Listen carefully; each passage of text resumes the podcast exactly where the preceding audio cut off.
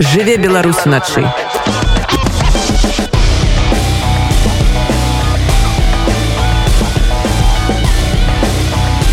беларускія ноцы Іван Саванович каля мікрафона, а сярэйнар за гукарэжысерскім пультам. Пачынаем беларускую ноч на хвалях радыё УНэт. Бліжэйшую гадзіну пагаворым пра асноўныя падзеі гэтага тыдня.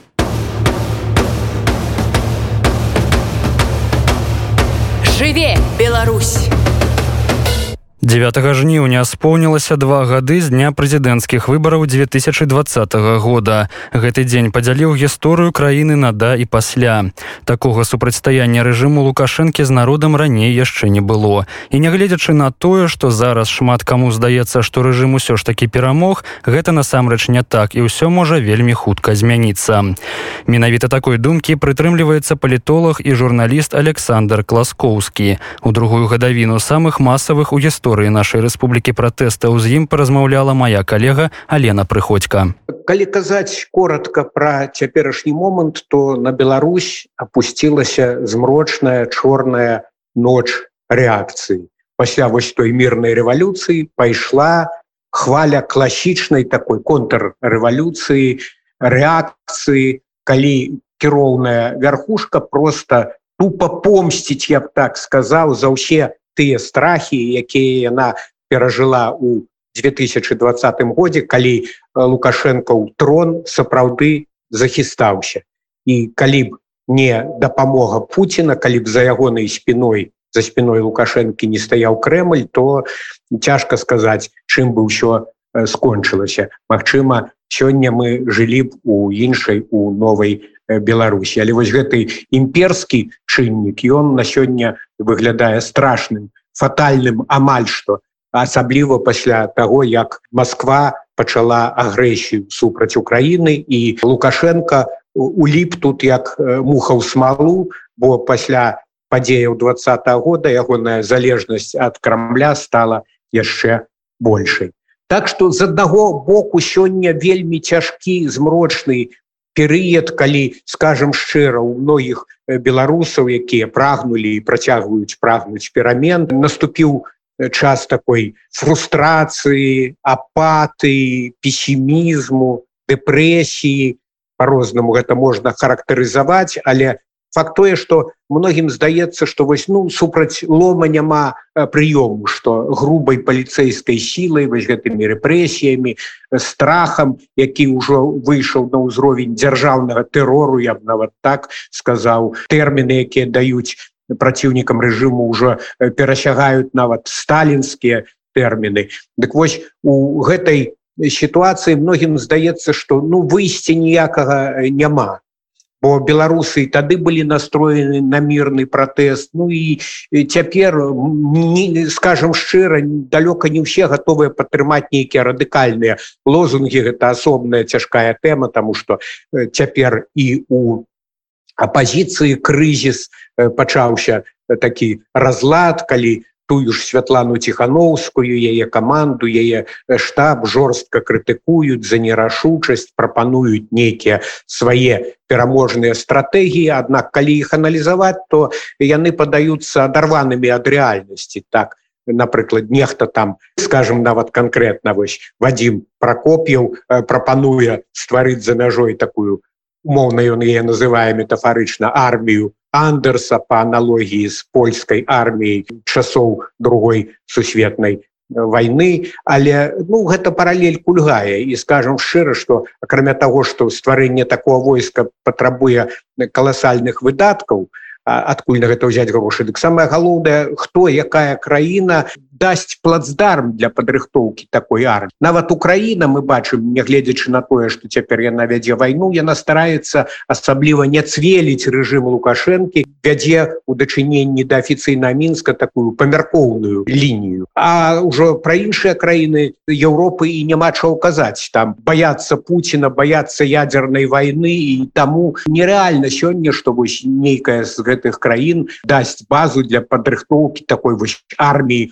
у ўварвання і тады дарэчы лукашенко скажа А что я казаў? Я ж казаў усю дарогу что вось гэтыя натаўцы праклятыя яны рыхтуюць агрэсію яны рыхтуюцца захапіць сінявокую Беларусь Таму лёгка кідаць радыкальныя лозунгі але цяжка іх увасабляць калі пайшла такая вось фаза. І тут трэба разумець что ўсяму свой час так? Трэба думаць над стратэгіямі над планамі перамогі але нейкіх цудадзейных планаў не можа быць вось у гэтай сітуацыі калі праводзіць паралелі вось пасля таго як у расійскай імперыі царызм разграміў рэвалюцыю 1905 года нагадаю тады беларускія землі таксама ў склад гэтай імперыі уваходзілі то па ўсёй краіне стаялі вось гэтыя шыбеніцы так званыя сталыпінскія гальштукі і у той час там не ленін не пляханаў не троцкі з іх светлымі галовамі з іх радыкалізмам ніякіх пераможных стратэгій прапанаваць не маглі. Яшчэ больш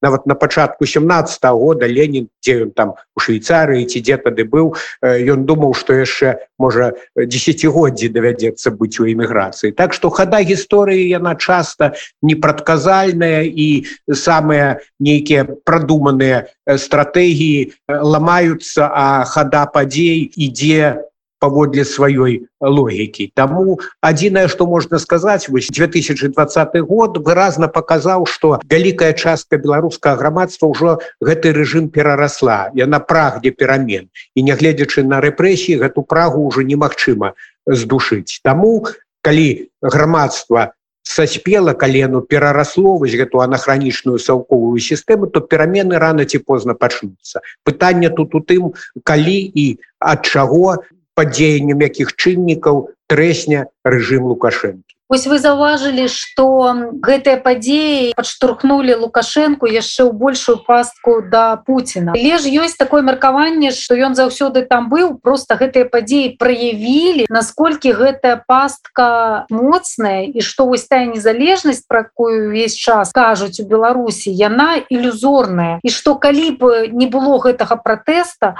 можа бы і удзел Беларусі у вайне супраць Украіны, якая ўжо зараз відавочна планавалася загадзя і не была такой апантаннай. Можа быть гэты удзел быў больш відавочным больш прамым і больш хуткім. Все гэта вельмі складаныя пытанні Усё трэба разглядаць у гістарычнай дынаміцы. Канешне, Лукашенко яшчэ ў 90-е гады э, узяў асэнсавана курс на так званую братнюю інтэграцыю. Ён хацеў без рэформаў атрымаць танныя ресурсы ад Масквы і такім чынам ён доўгі час сапраўды меў э, вялікую папулярнасць сярод электарату, бо ён падвышаў заробкі, пенсіі і гэтак далей. Але гэта ўсё ішло за кошт крамлёўскай падтрымкі. І прыйшоў проста час, калі за яе давялося платіць дарагую цану прычым платіць давялося ўсяму беларускаму народу. І я нагадаю что при ўсім прытым лукашенко з аднаго боку так ён заўжды быў чалавек прамаскоўскі з таким савецкім мысленнем ён заўжды шкадаваў что разваліўся савецкі союз але супярэчнасць была ў тым что ён атрымаў царскую уладу над асобна ўзятай краінай над маладой незалежнай краінай і ён адчуў смак гэтай аднаасобнай улады таму ён упарціўся былі войны з крамлём эканамічныя там газавыя нафтавыя цукерачныя іншыя і лукашенко былі перыяды калі ён адкрытым тэкстам казаў что гэта у москве сядзяць імперыялісты якія хочуць нас узяць за гарляк нават пасля таго як Крemль акупаваў Крым лукашенко пачаў гульню з захадам. Згадайце вось гэты нарманскі фармат у мінску калі сюды і меркель прылятала і тагачасны французскі прэзідэнт талант лукашенко з імі там братаўся. І здавалася што вось Беларусь можа нават адарвацца ад крамля і пачаць нейкае самастойнае плаванне. Але ўсё ж таки вось гэта прага улады гэта нежаданне рэфармавацца гэта боязь сапраўдных пераменаў яна згуляла фатальную ролю для лукашэнкі і для ўсёй беларусі на жаль тому что ён і сам трапіў у пастку. Калі б ён уявіць сабе тэарэтычна адышоў ад улады ў двадцатым годзе калі вось успыхнули гэтыя пратэсты калі быў такі народны драйв то можа б усё склалася іначай. Але лукашенко не мысліў не ўяўляў сябе і не ўяўляе без гэтай улады тут і просто такая природная нейкая прага камандаваць вось яму відавочна падабаецца шоўкнуць шоўкаць гэтым безуном трымаць усіх у страху праводзіць гэтыя селектарныя нарады раздаваць каштоўныя указанні але тут яшчэ і просто адчуванне асэнсавання того что наламана шмат дроў много проліта ўжо крыві шмат так бы мовіць шкілетаў у шафах і таму лукашенко просто не упэўнены что нават пры кіраваным транзіце ўлады яму будзе забяспечана фізічная нейкая бяспека яму і ягонай вялікай радні Таму для яго гэта пытанне просто самавыжывання нават у фізічным сэнсе і зразумела что ягоныя вось гэтыя какетлівыя размовы пра нейкіх там паслядоўнікаў про транзіт улады про другога магчыма прэзідэнта ён там но то на караева то на кара бараніка то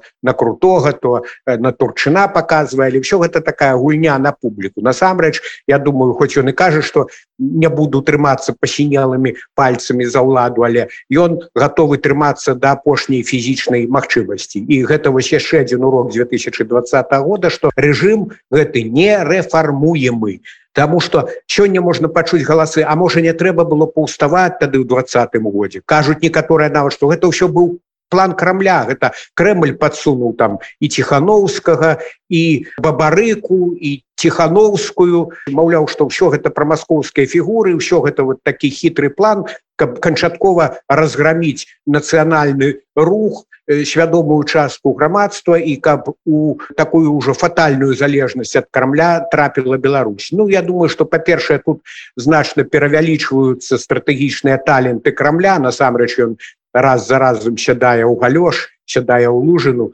калі спрабуе нейкія свае планы за мяжой реалізаваць Ну а з другога боку калі б не было саспявання грамадзянскай супольнасці каб не было гэта запыту на перамены каласальнага запыту які ўзнік у двадцатым годзе то ніякія фігуры не змаглі б вось так запаліць масу ідэяй перамен Так что ну, гісторыя не цярпіць умоўнага ладу калі казаць коротко і тое вось гэта сутыкненне двух сусветаў з аднаго боку такого змрочнага цалковага сусвету якім жыў і жыве беларускі вось гэты правадыр а з іншага боку сусвету прасунутай развітай часткі беларускага грамадства якое ўжо адчула неабходнасць правоў і свабод я нагадаю что Беларусь стала краінай крутых айцішнікаў краінай якая атрымлівала найболей шенгенскіх візы бачыла як насамрэч жыве Еўропа вось гэты прасунуты сусвет ён так ці іначай мусіў прыйсці ў сутыкнення са змрочным светом правадыра рэжыму. Таму ўсё гэта было практычна непазбежна тое што адбылося ў двадцатым годзе хоць гэта вельмі траўматычна гэта трагічна для десяткаў можа і соцен мільён тысячаў беларусаў але тым не меней ну вось такі лёс наканаваны нашай краіне. І трэба відаць прайсці праз усе гэтыя выпрабаванні. Трэба вельмі цяжкой цаной зарабіць гэта права на свабоду. Так у двадцатым годзе вялікая колькасць людзей вельмі розных аб'ядналася выходзіла на вуліцы і ўсе прагнулі пераменаў усе прагнулі каб гэты рэжым скончыўся. Але як показалі вось гэтыя два гады і тое раз'яднанне якое зараз адбываецца і сярод беларускай пазіцыі і ўвогуле калі так паглядзець на прасторах байнета так что люди пишутць а высветлілася тое что мэта нібыта была ва ўсіх аднолькавая разрынуць рэжым. Але каштоўнасці ва ўсіх розныя Ну то бок хтосьці хацеў аднаго лукашэнку замяніць на іншага. Хтосьці чакаў што прыйдзе Пуін і всех вызваліць і мы аб'яднаемся з рассіяй і гэта нармалёва. Хтосьці бачыў дэмакратычную Беларусь. І вось тое раз'яднанне якое мы маем зараз паміж беларусамі і ва ўнутры краіны і звонку хто выехаў гэта вынік того что наша вось гэтая еднасць двадцатого года яна таксама была такой ну імгненнай можа нетрывалай так сапраўды тут э, не трэба схематызаваць вось тое что адбылося ў двадцатым годзе чым грашаць некаторыя там апозіцыйныя публіцысты палітыкі што вось увесь народ паўстаў супраць рэжыму і гэтак далей. Гэта безумоўна спрашчэнне. Я б сказал так что над беларускім грамадством яшчэ вісіць вось гэты праклён саўка і лукашенко ў свой час прыйшоў да ўлады менавіта спекулюючы на гэтай ностальгіі па светлай мінушыні Ну ён і не яе вярнуў дарэчы толькі у такім страшным сталінійскім абліччы. Але тым не меней беларускае грамадства ўсё ж таки за гэтыя 30 гадоў пасля распаду Савецкага саюза прайшло вялікую эвалюцыю так яно неаднароднае. Як і любое іншае грамадства пасіянарная частка і ў заходніх грамадствах яна невялікі адсотак складае. І мы бачым што і там да ўлады могуць прыходзіць папулісты людзі далёка не, не самых дэмакратычных і прагрэсіўных поглядаў таму і заходняе грамадства не варта ідэалізаваць што ж тычыцца два года то сапраўды гэта была такая еднасць прадыктаваная шмат у чым просто стомленасцю от того что вот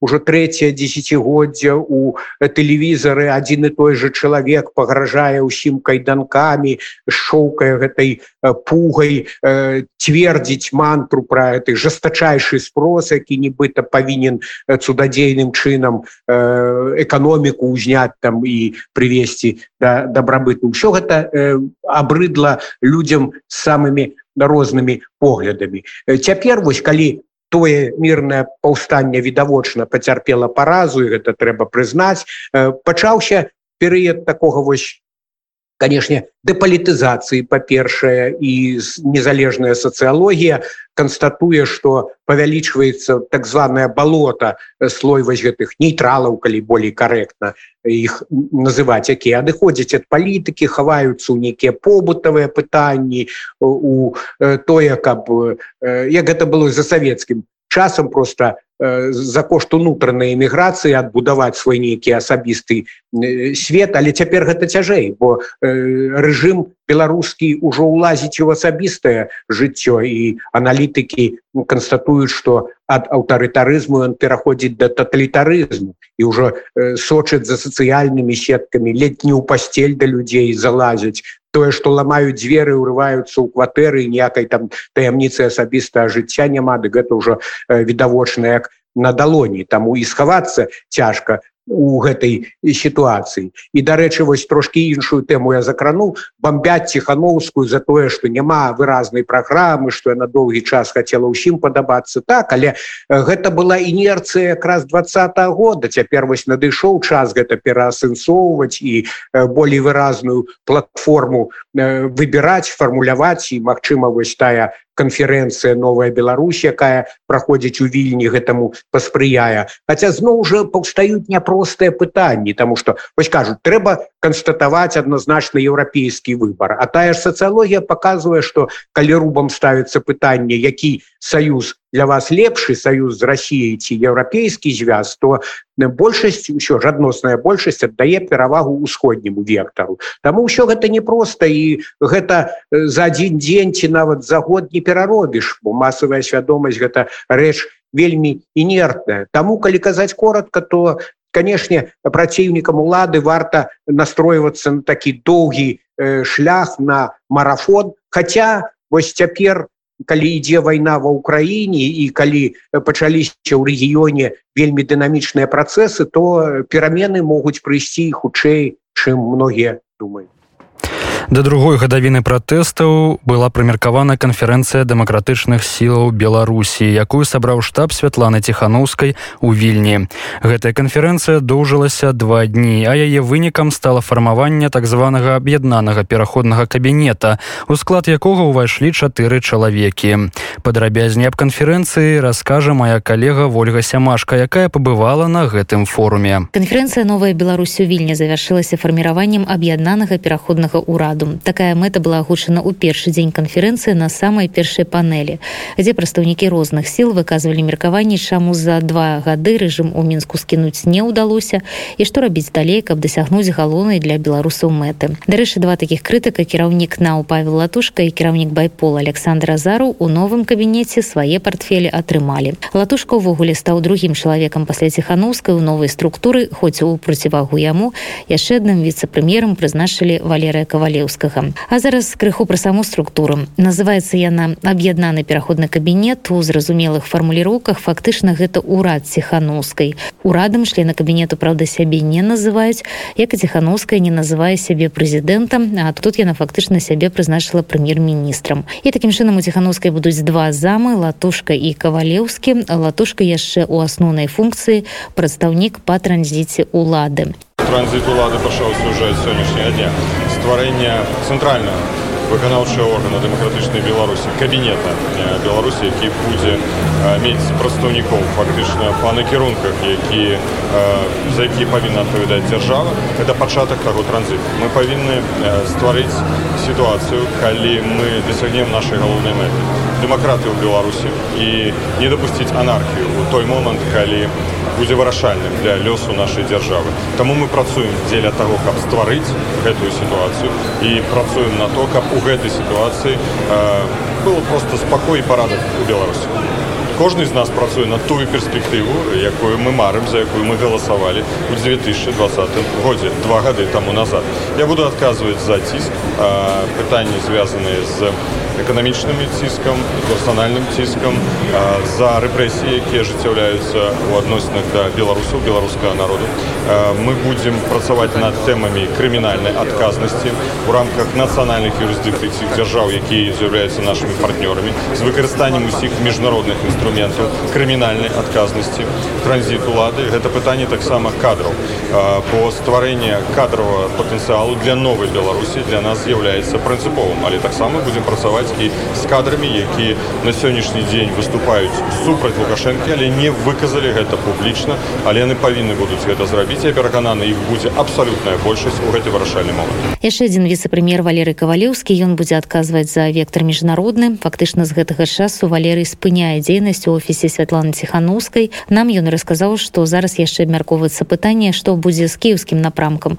Паколькі валерый кавалеўскі ўзначальваў бюро офіса ва ўкраіне быў там прадстаўніком святланы ціхановскай зараз хутчэй за ўсё ён ад гэтай дзейнасці вымушаны будзе адысці. Кіраўнік байпола александр азару стаў аб'яднаным урадзе такім міністрам унутраных спраў але каб не ўзнікала неправільных асацыяцый яго пасада называецца прадстаўнік па аднаўленні правапарадку мы не можем их а, оборонить у сярэдзіне краіны так у нас няма магчымасцей фізычна прыехаць туды і бараніць беларускі народ. Але мы распрацавалі план які павінен спрацаваць і павінен здзейсніць абарону беларусаў вызваліць іх ад ярма. Значит я калісьці размаўлял с адным адвакатам который бараніў одну особу не буду называть прозвища у беларусі якая сидзіць за кратами. Я ему кажу давайте значит хай это особа напрыклад скажа что уступайте у план перамога бо ну у сузе калі ему будут прысуждать там 10 там 20 гадоў значит і толькі мы бачым толькі значит фізічнае вызваленне можа быць яго з турмы А і калі такого не будзе вызвалення то он будет сидзець у турме там до конца срока. А, а люди сказали что не вы что мы боимся мы лепей подстроимся под режим будем кланяться ему и просить как можа помиловал лукашенко. Вот. Но мы не такие поэтому мы и здесь а не там. Шмат казалася і пра сілавы варыянт вяртання ўлады ў беларусі вы ў сваім кабінеце будзеце прытрымлівацца гэтага сілавога варыянта як вы яго бачыце? Сілавы варыянт распрацоўваецца але не значыць што ён галоўны і дай Боже каб его нам не патрэбалася запускаць мы будзем працаваць над усімі варыянтамі магчымымі значит і не сілавымі якія цяпер ціск на рэжым і так далей санкцыі все што рабілось два гады это будзе у комплексе але мы павінны мець нейкі план і сілу якую лукашенко павінен паважаць і і ну уже ну крайний момант крайний момант можа быть нам прыйдзецца его запусціць але мы будем стараться каб не запускать каб вырашыць пытанне іншым путём. Верыце так что такі ну, режим можна мірным шляхам просто калі цяпер стварыўся кабінет і ўжо значит ёсць міністры так назовем их прадстаўнікі по сілавых ведомствах яны будуць працаваць у гэтым напрамку і можа быть будуць созданы якісь падроздзелы беларускія і ўсе беларускія добровольцы дай Божа аб'яднаюцца ў одну сілу то это уже само по сабе ціск вялікі на лукашенко беларусі і можа быць нешта зварушыцца і все-таки мы вернемся дамоў пераможа і яшчэ на сцэне побач са Святлана ціхановскай з'явілася новая асоба валерый сахашчык гэта прадстаўнік па абароне і нацбяспецы. Зразумела чаму уся ўвага была прыкавана да гэтай постаці. Па-першая асоба адносна новая а па-другое час ваенны і патрэбны чалавек з адпаведным бэкграундам і павагай сярод сваіх. А сахашчык гэта былы камандзір 38 брэскай дэсантна-штурмавой брыгады. Ну і паколькі ён фактычна міністр абароны у яго мы спыталі пра магчымасці фарміравання формирования белорусской армии за мяжой. Наверное, получается фигура политическая, а не военная. Я вряд ли буду возглавлять эту армию. Э, у нас есть какое-то количество офицеров, и это количество, надеюсь, будет увеличиваться. Ну, я должен создать условия для того, чтобы это получилось. Но я э, рассматриваю вариант, что э, вооруженные силы сформируем, которые мы сформируем, пойдут э, в какую-то армейскую операцию в Беларусь, чтобы воевать с вооруженными силами, которые сейчас есть в Беларуси, ну, как катастрофа. Ну, это будет э, следствием просто того, что ну, мы не смогли сделать то, что могли. Я буду делать все, чтобы это не произошло. Я надеюсь, что мне получится. Полк Калиновского является ну, основной движущей силой национально-освободительного движения. Это люди, которые ничего кроме уважения вызывать не должны. Мы договорились, что мы создадим э, какой-то Совет Безопасности, коллективный орган с участием военнослужащих наших белорусских подразделений, в первую очередь полка Калиновского. Поэтому мы однозначно будем работать вместе, ну, ничего этому не препятствует, это будет в интересах всех. То есть вы с ними ВКонтакте, да, вот на данный момент? Да, с Калиновским и с Погоней? Конечно, да.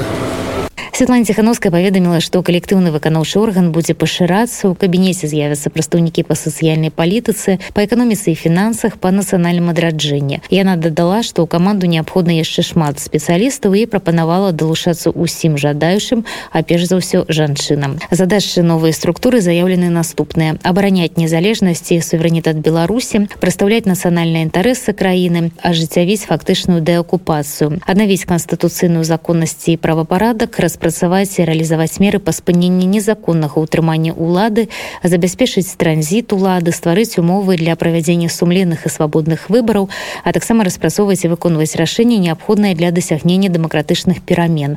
І ў выніку гэтага ўсяго ў беларусі павінны быць вызвалены ўсе палітвязні. За апошнія два гады як бачым задачы што стаяць перад дэмакратычнымі сіламі не змяніліся і гэта азначае што яны папросту не былі выкананы за мінулы час.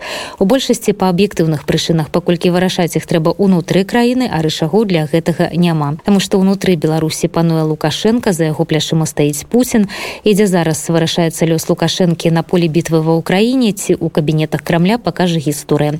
Але дакладна гэты лёс вырашаецца не ў вільні дзе сабраліся дэмакратычныя сілы. Тым не менш на новы органу складаюць надзеі. Па-першае ён павінен спыніць так званую бульба дыскусію якая за апошнія два месяцы стаміла ўсіх. Ну а па-другое новы орган выканаўчы і на гэта робяць стаўку яго стваральнікі. Дадаюць што зараз прыняцце рашэнняў будзе узгодненым і хуткім а перамовы не будуць працягвацца месяцамі. Наколькі стварэнне кабінета дазволіць пераадолець крызіс апазіцыі спыталі ў палітолага валерыя карбалевіша я думаю что крок у вырашэнні палітычнага крызісу гэта канферэнцыя можа зрабіць пэўную частку скажем крытыкаў Светланы ціхановскай яна можа задаволіць Магчыма што іх інтэгруюць некія структуры якія будуць створаныя вакол офіса Светланы ціхановскай стварэння некага легальнага механізму вырашэння канфліктаў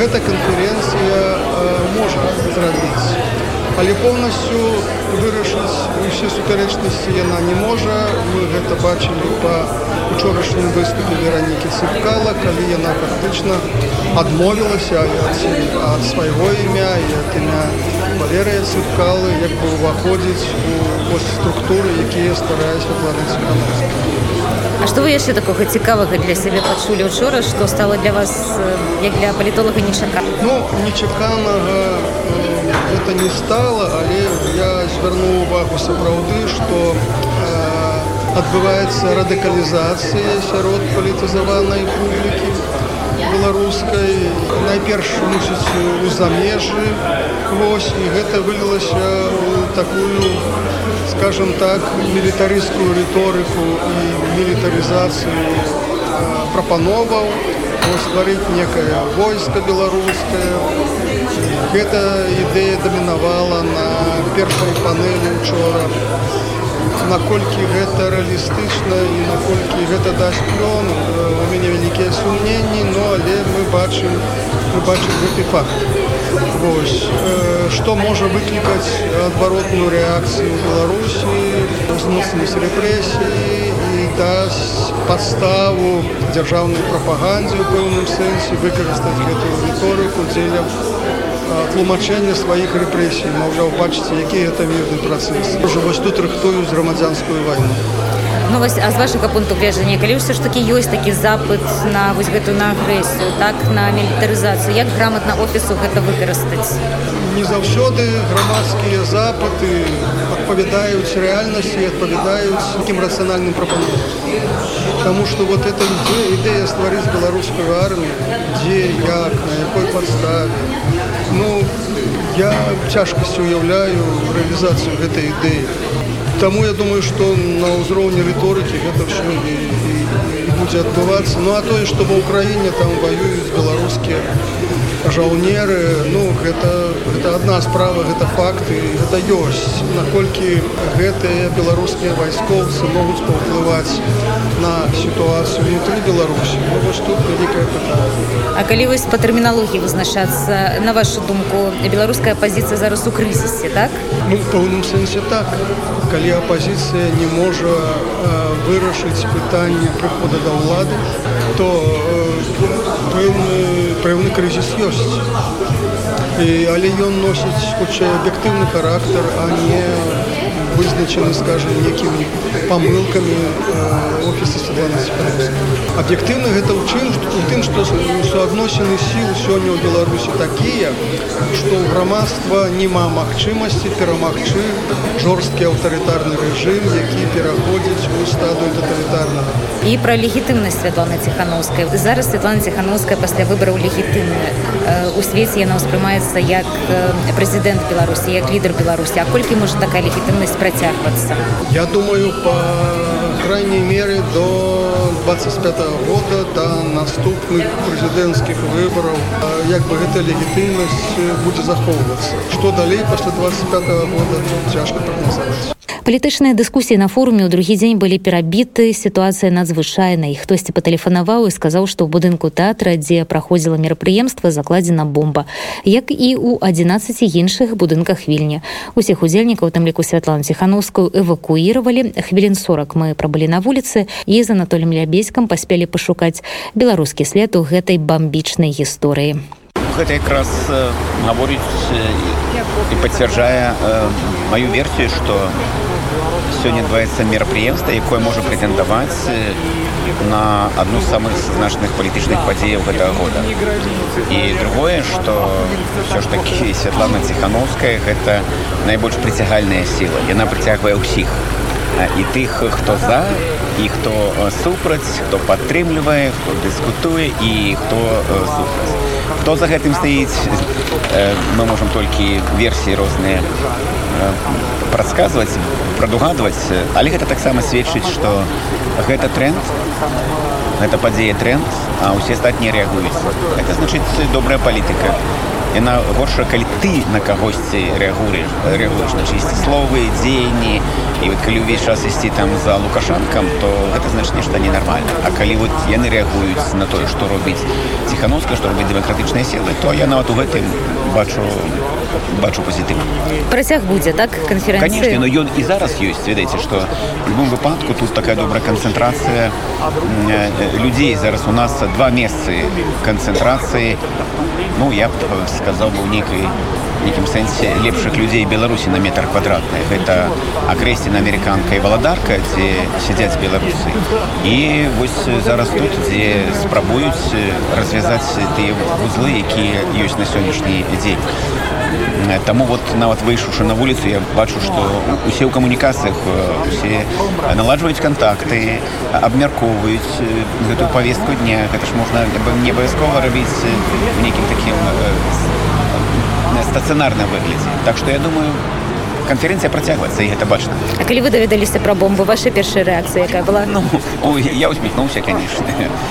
Окей гэта это яшчэ больше это ну такая реклама дадатковая это мерапрыемства тому что вот ага бомба там. Ну я так лічу что там адсоткаў 30-40 э, наведвальнікаў там на старонкі дзе анансавана это мерапрыемства прыбавіцца дакладна только спадзяюся что не скажуць некаторыя там збяруць прэсавую канференцыю что о гэта ціхановская спланавала для того каб подвысіць свае там рэйтынгі что там быццам мы ніхто не глядзел А панікі не было? А панікі не было. Усе вельмі тут адэкватныя людзі. Адразу я бачу што ўсе выходзілі не таропка і з усмешкай на вуснах. Пасля канферэнцыя працягнулася. Нішто не магло сарваць гістарычна аб'яднанне беларускіх сіл. Заявы прагучалі портфелі раздалі сумесныя фото зрабілі. Ну а мы будзем сашыць за работай гэтага ўрада ў выгнанні. Па журналісцкай традыцыі вельмі жорстка крытыкаваць яго не будзем першыя 100 дзён. Дадзім магчымасць раскашацца. Дарэчы сама ціхановская прызначыла міністраў на 6 месяцаў Дарэчы, форум не абышоўся і без скандалаў. Нягледзячы на заявы аб адкрытасці форуму не ўсе жадаючыя змаглі на яго патрапіць і задаць арганізатарам свае пытанні. Актыўныя беларусы, якіх не дапусцілі да ўдзелу ў мерапрыемстве арганізавалі пікет ля будынку, дзе адбываўся форум.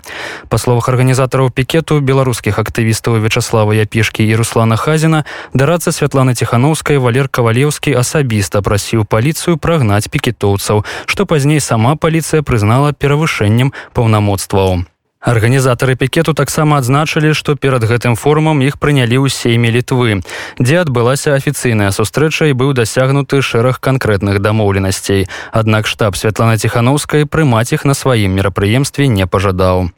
Удзельнікі пікету хацелі задаць ціхановскай шэраг пытанняў, ад якіх яна на іх думку ухіляецца.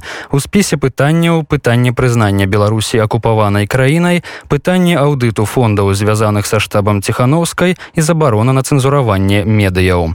Таксама неадназначную рэакцыю грамадстве выклікала заява дарацы святланы ціхановскай святланы бабінцавай аб тым, што Расія не з'яўляецца ворагам для дэмакратычнага руху Беларусі.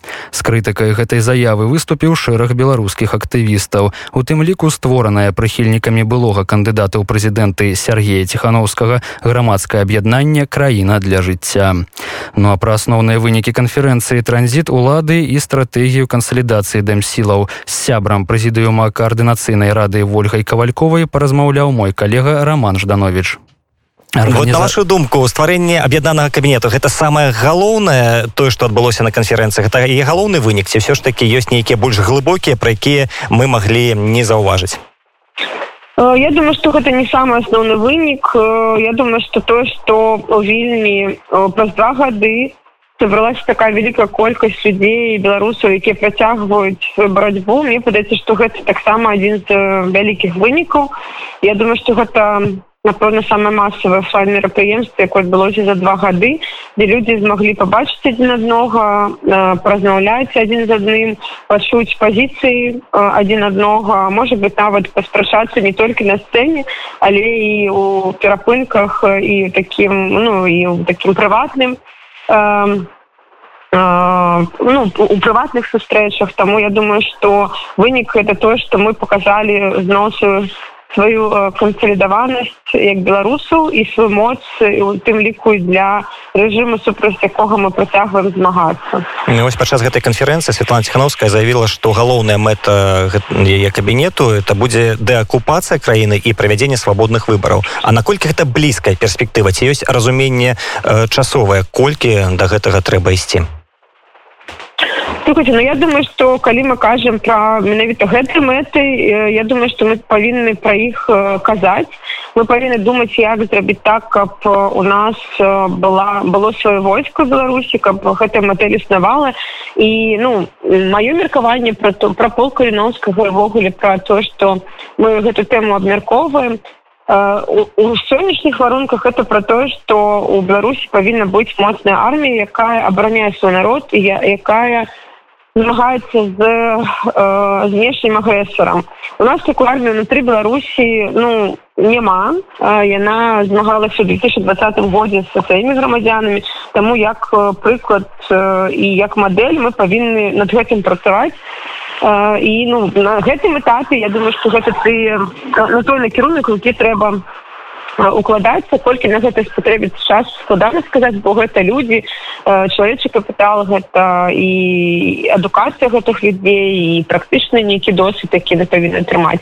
Таму я б не казала зараз пра тое што нейкія снары ў сённяшніх варунках у гэтым накірунку магчыма внутры беларусі дарэчы таксама існуе такое меркаванне што стварэнне падобных кабінетаў за мяжой яно часта ўяўляю сабой такую падмену рэальнай дзейнасці. Чтобы вы маглі адказаць людзям якія так думаюць і ў якіх такая кропка гледжання слухайте ну, нам трэба паглядзець як гэта будзе сапраўды можа так выглядаць і канешне калі ўсё ну калі мы бачылі што штосьці падобнае ўжо стваралася і можа быць пэўных вынікаў мы не дасягнулі то ну паглядзім як будзе на гэты раз. Я думаю што адказнасць перш тых людзей які бяруць на сябе за гэтую справу і публічна ў тым ліку ну павінны людзі мець механізмы спрасіць у гэтых людзей пра пэўны перыяд ці атрымалася што не атрымалася мне падаецца што не хапае якраз такі э, узаемадзеяння людзей з палітыкамі не хапае ўплыву людзей на палітыку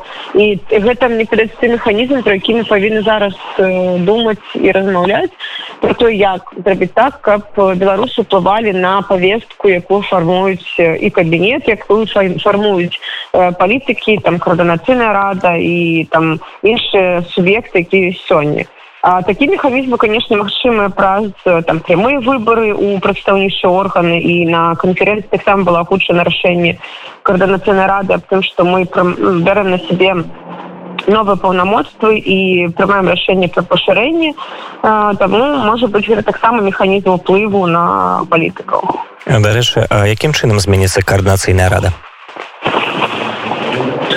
мы вырашылі ну гэта такой натуральны мне падаецца працэс які адбываўся апошні некалькі месяцаў мы за два гады уже напоўна два разы рэфармаваліся але зараз мы бачым што ніша вось таких дыскусійных пляцовак і арганізацыі якіх выпрацоўваюцца кансенсус па пэўных пытаннях яна адкрытая і напэўна важна каб такі прадстаўнічы орган дэмакратычных сіл грамадзянскай супольнасці людзей з рознымі меркаваннямі ён быў каб мы маглі маглі мець кансальдаваную пазіцыю па нейкіх пытаннях вы маглі абмяркоўваць гэта таксама па новых паўнамоцтвах гэта выпрацоўка стратэгічных і праграмных дакументаў для дэмакратычнай супольнасці і таксама тых дакументаў якія патрабуюць сёння беларусы унутры краіны для вырашэння іх сённяшніх праблем ну і тое як мы бачым будучыню новай беларусі ўжо пасля транзітнага перыяду. Ну, это тое што зараз мы бярэм за аснову. Ну таксама ўзаемадзеянне з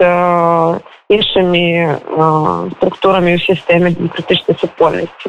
А як можна будзе патрапіць у склад каардынацыйнай рады? Хто будзе вызначаць хто ты можа ўвайсці а хто не?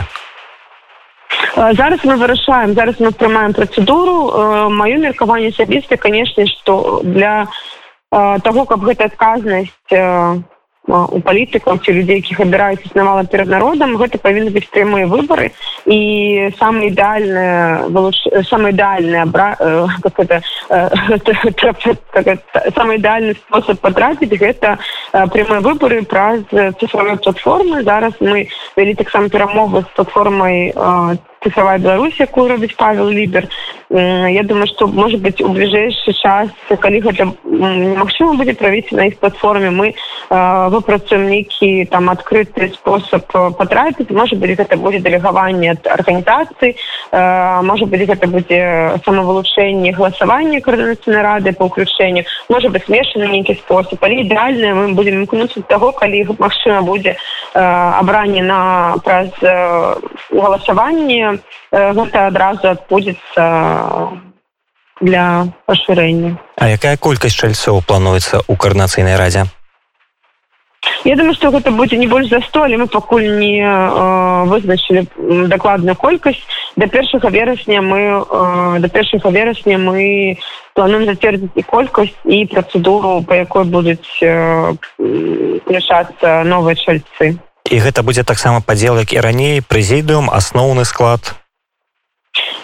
Не плануецца то што гэта будзе прэзідыум. Плануецца што хутчэй за ўсё усе як і зараз у нас таксама ёсць у нас усе сябры галасуюць маюць роўныя правы у арганіза ну, на наших пляцоўцы я думаю что гэта таксама захаваецца гэта роўнасць будзе. Можа быть будзе спікер але гэта стане таксама яшчэ дыску ну у нас знаходіцца дыскусіі. Ну, вось і сёння наконт дыскусіі вы непасрэдна удзельнічалі у такой дыскусіі прысвечанай рэарганізацыі дэмакратычных сілаў. Распавядзіце ці ўсё ж таки атрымалася у вас распрацаваць канкрэтную стратэгію кансалідацыі Ой, слухайте ну я не ведаю ці была мэта канферэнцыі стварэння э, стратэгіі кансалідацыі э, я таких я таких мэтаў асабіста не ставіла мне падаецца што калі няма доўга размоваў. Э, у дэйвогуле я не могу сказать што доўга няма няма публічнай дыскусіі увогуле дыскусія дагэтуль была толькі ўнутры дэмакратычнай супольнасці і мне падаецца што канферэнцыя гэта адзін з інструментаў перавесці гэту дыскусію з дэмакратычнай супольнасці у грамадства і такіх пляцовак павінна быць больш я спадзяюся што каардынацыйны рады зможа стаць таксама такую пляцоўку у якой там сістэмныя дыскусіі будуць адбывацца паміж прадстаўнікамі розных арганізацый таму э, асноўнае што адбылося гэта дыскусія можа быть не ва ўсіх панелях яна атрымалася былі панелі у якіх у досыць кансалідавана гучалі меркаванні спікераў ну, мне не хапіла дыскусіі калі шчыраем ну то што мне не хапіла асабіста можа быць гэта глыбіні пытанняў якія э, более агучаны мы досыць паверхнасна размаўлялі пра ты ці іншыя рэчы ну, можа быць гэта таксама э, ступені нашага росту. Вось мы зараз тут але мы разумеем куды нам трэба імкнуцца больш глыбока размаўляць пра нейкія рэчы А ці магчыма на вашу думку аб'яднаць групы дэмакратычнай беларусі якія існуюць за мяжу і ты хто застаўся ў беларусі? Тому что беларусу вельмі часта існуе такі падзел раз ты выехаў значыцца там ты займайся і наадварот. Ці ёсць магчымасць іх аб'яднаць? Ну, мне вот складана адказаць на гэта пытанне ведаце чаму? Тому что я сябе не адчуваю чалавекам які знаходзяцца у у эміграцыі бо ўсе тыя людзі якія не заходзяць у беларусі яны працягваюць змаганне за то каб туды вярнуцца і мне падаецца што гэта павёўся ж такі штучны ёсць адчуванне канешне што можа быць без вось такога узаемадзеяння ці адказнасці хтосьці губляе сувязь рэальнасцю але э, беларусі это гэта той дзе мы ёсць вось я наго знаходжуся тут і беларусь вось тут для мяне да, там дзе я.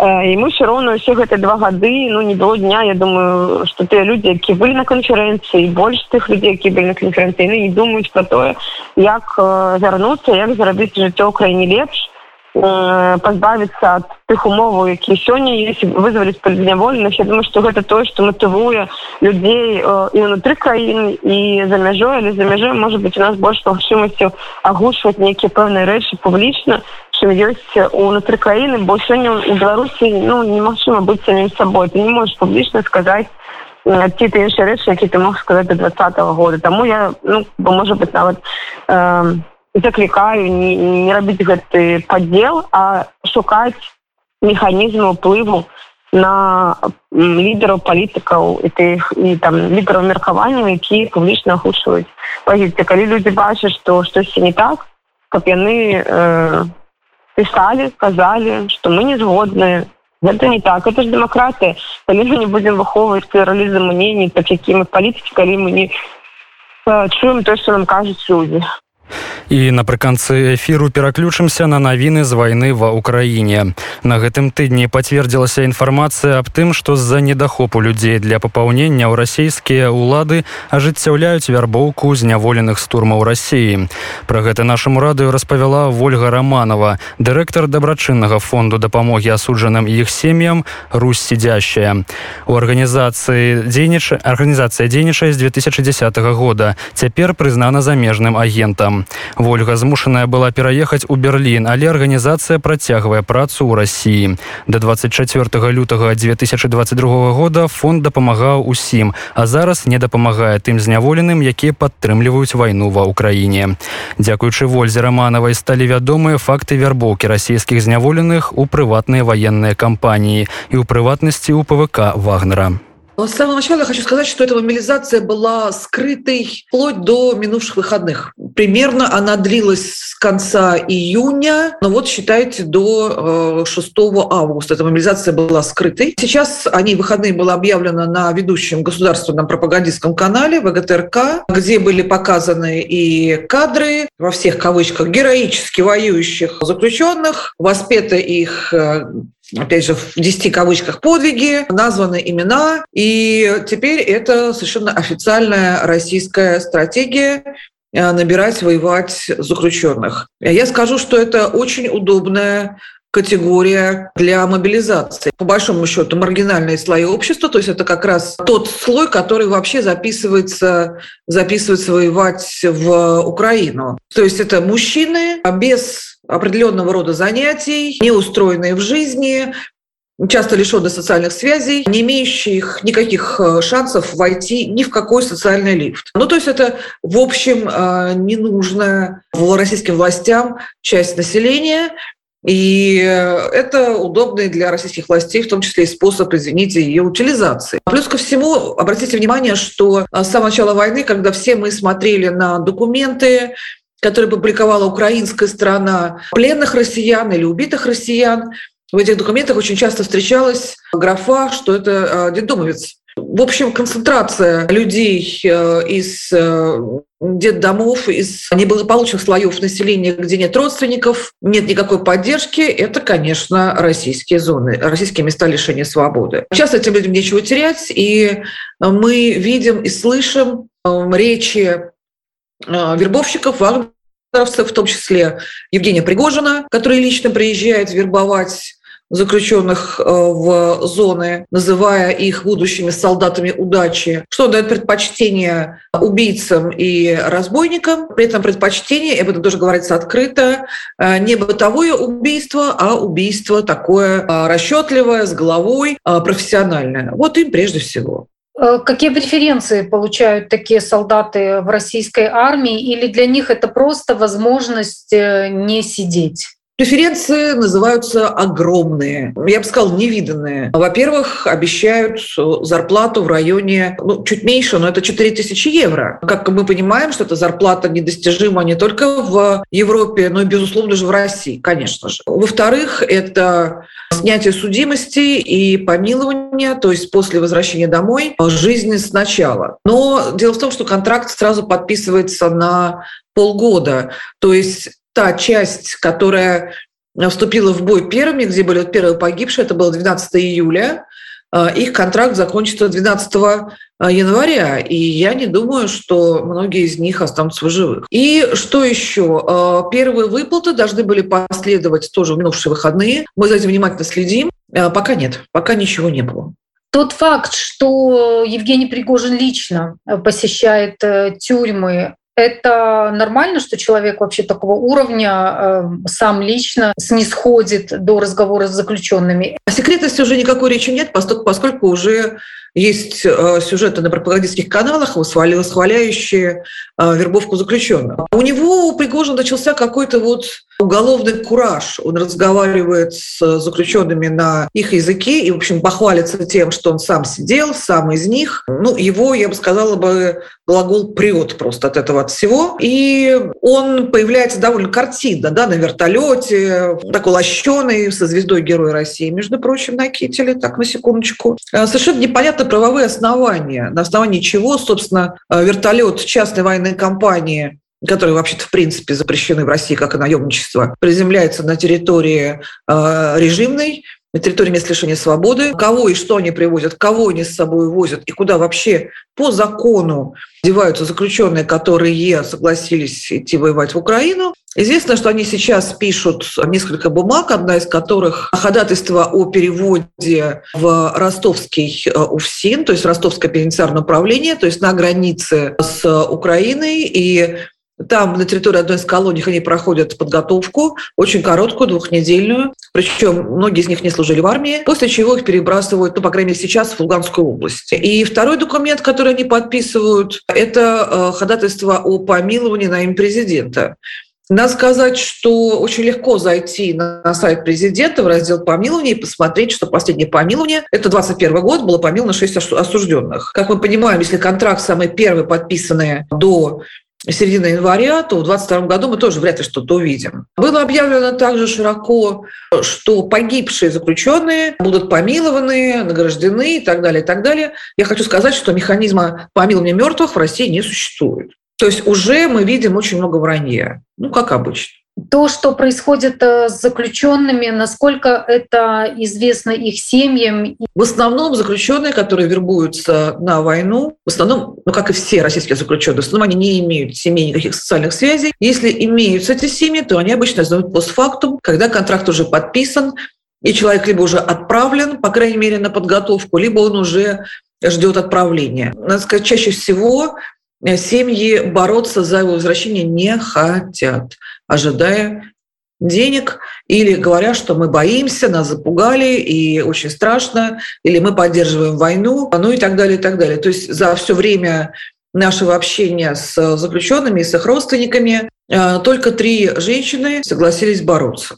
С точки зрения понятий уголовного мира, э, вот этот факт того, что заключенный идет сотрудничать э, с милицией или э, с военными, ну, раньше такие люди как бы переводились в категорию козлов. Ну, как это сейчас представляется и для уголовного мира, и для тех людей, которые соглашаются на такое сотрудничество?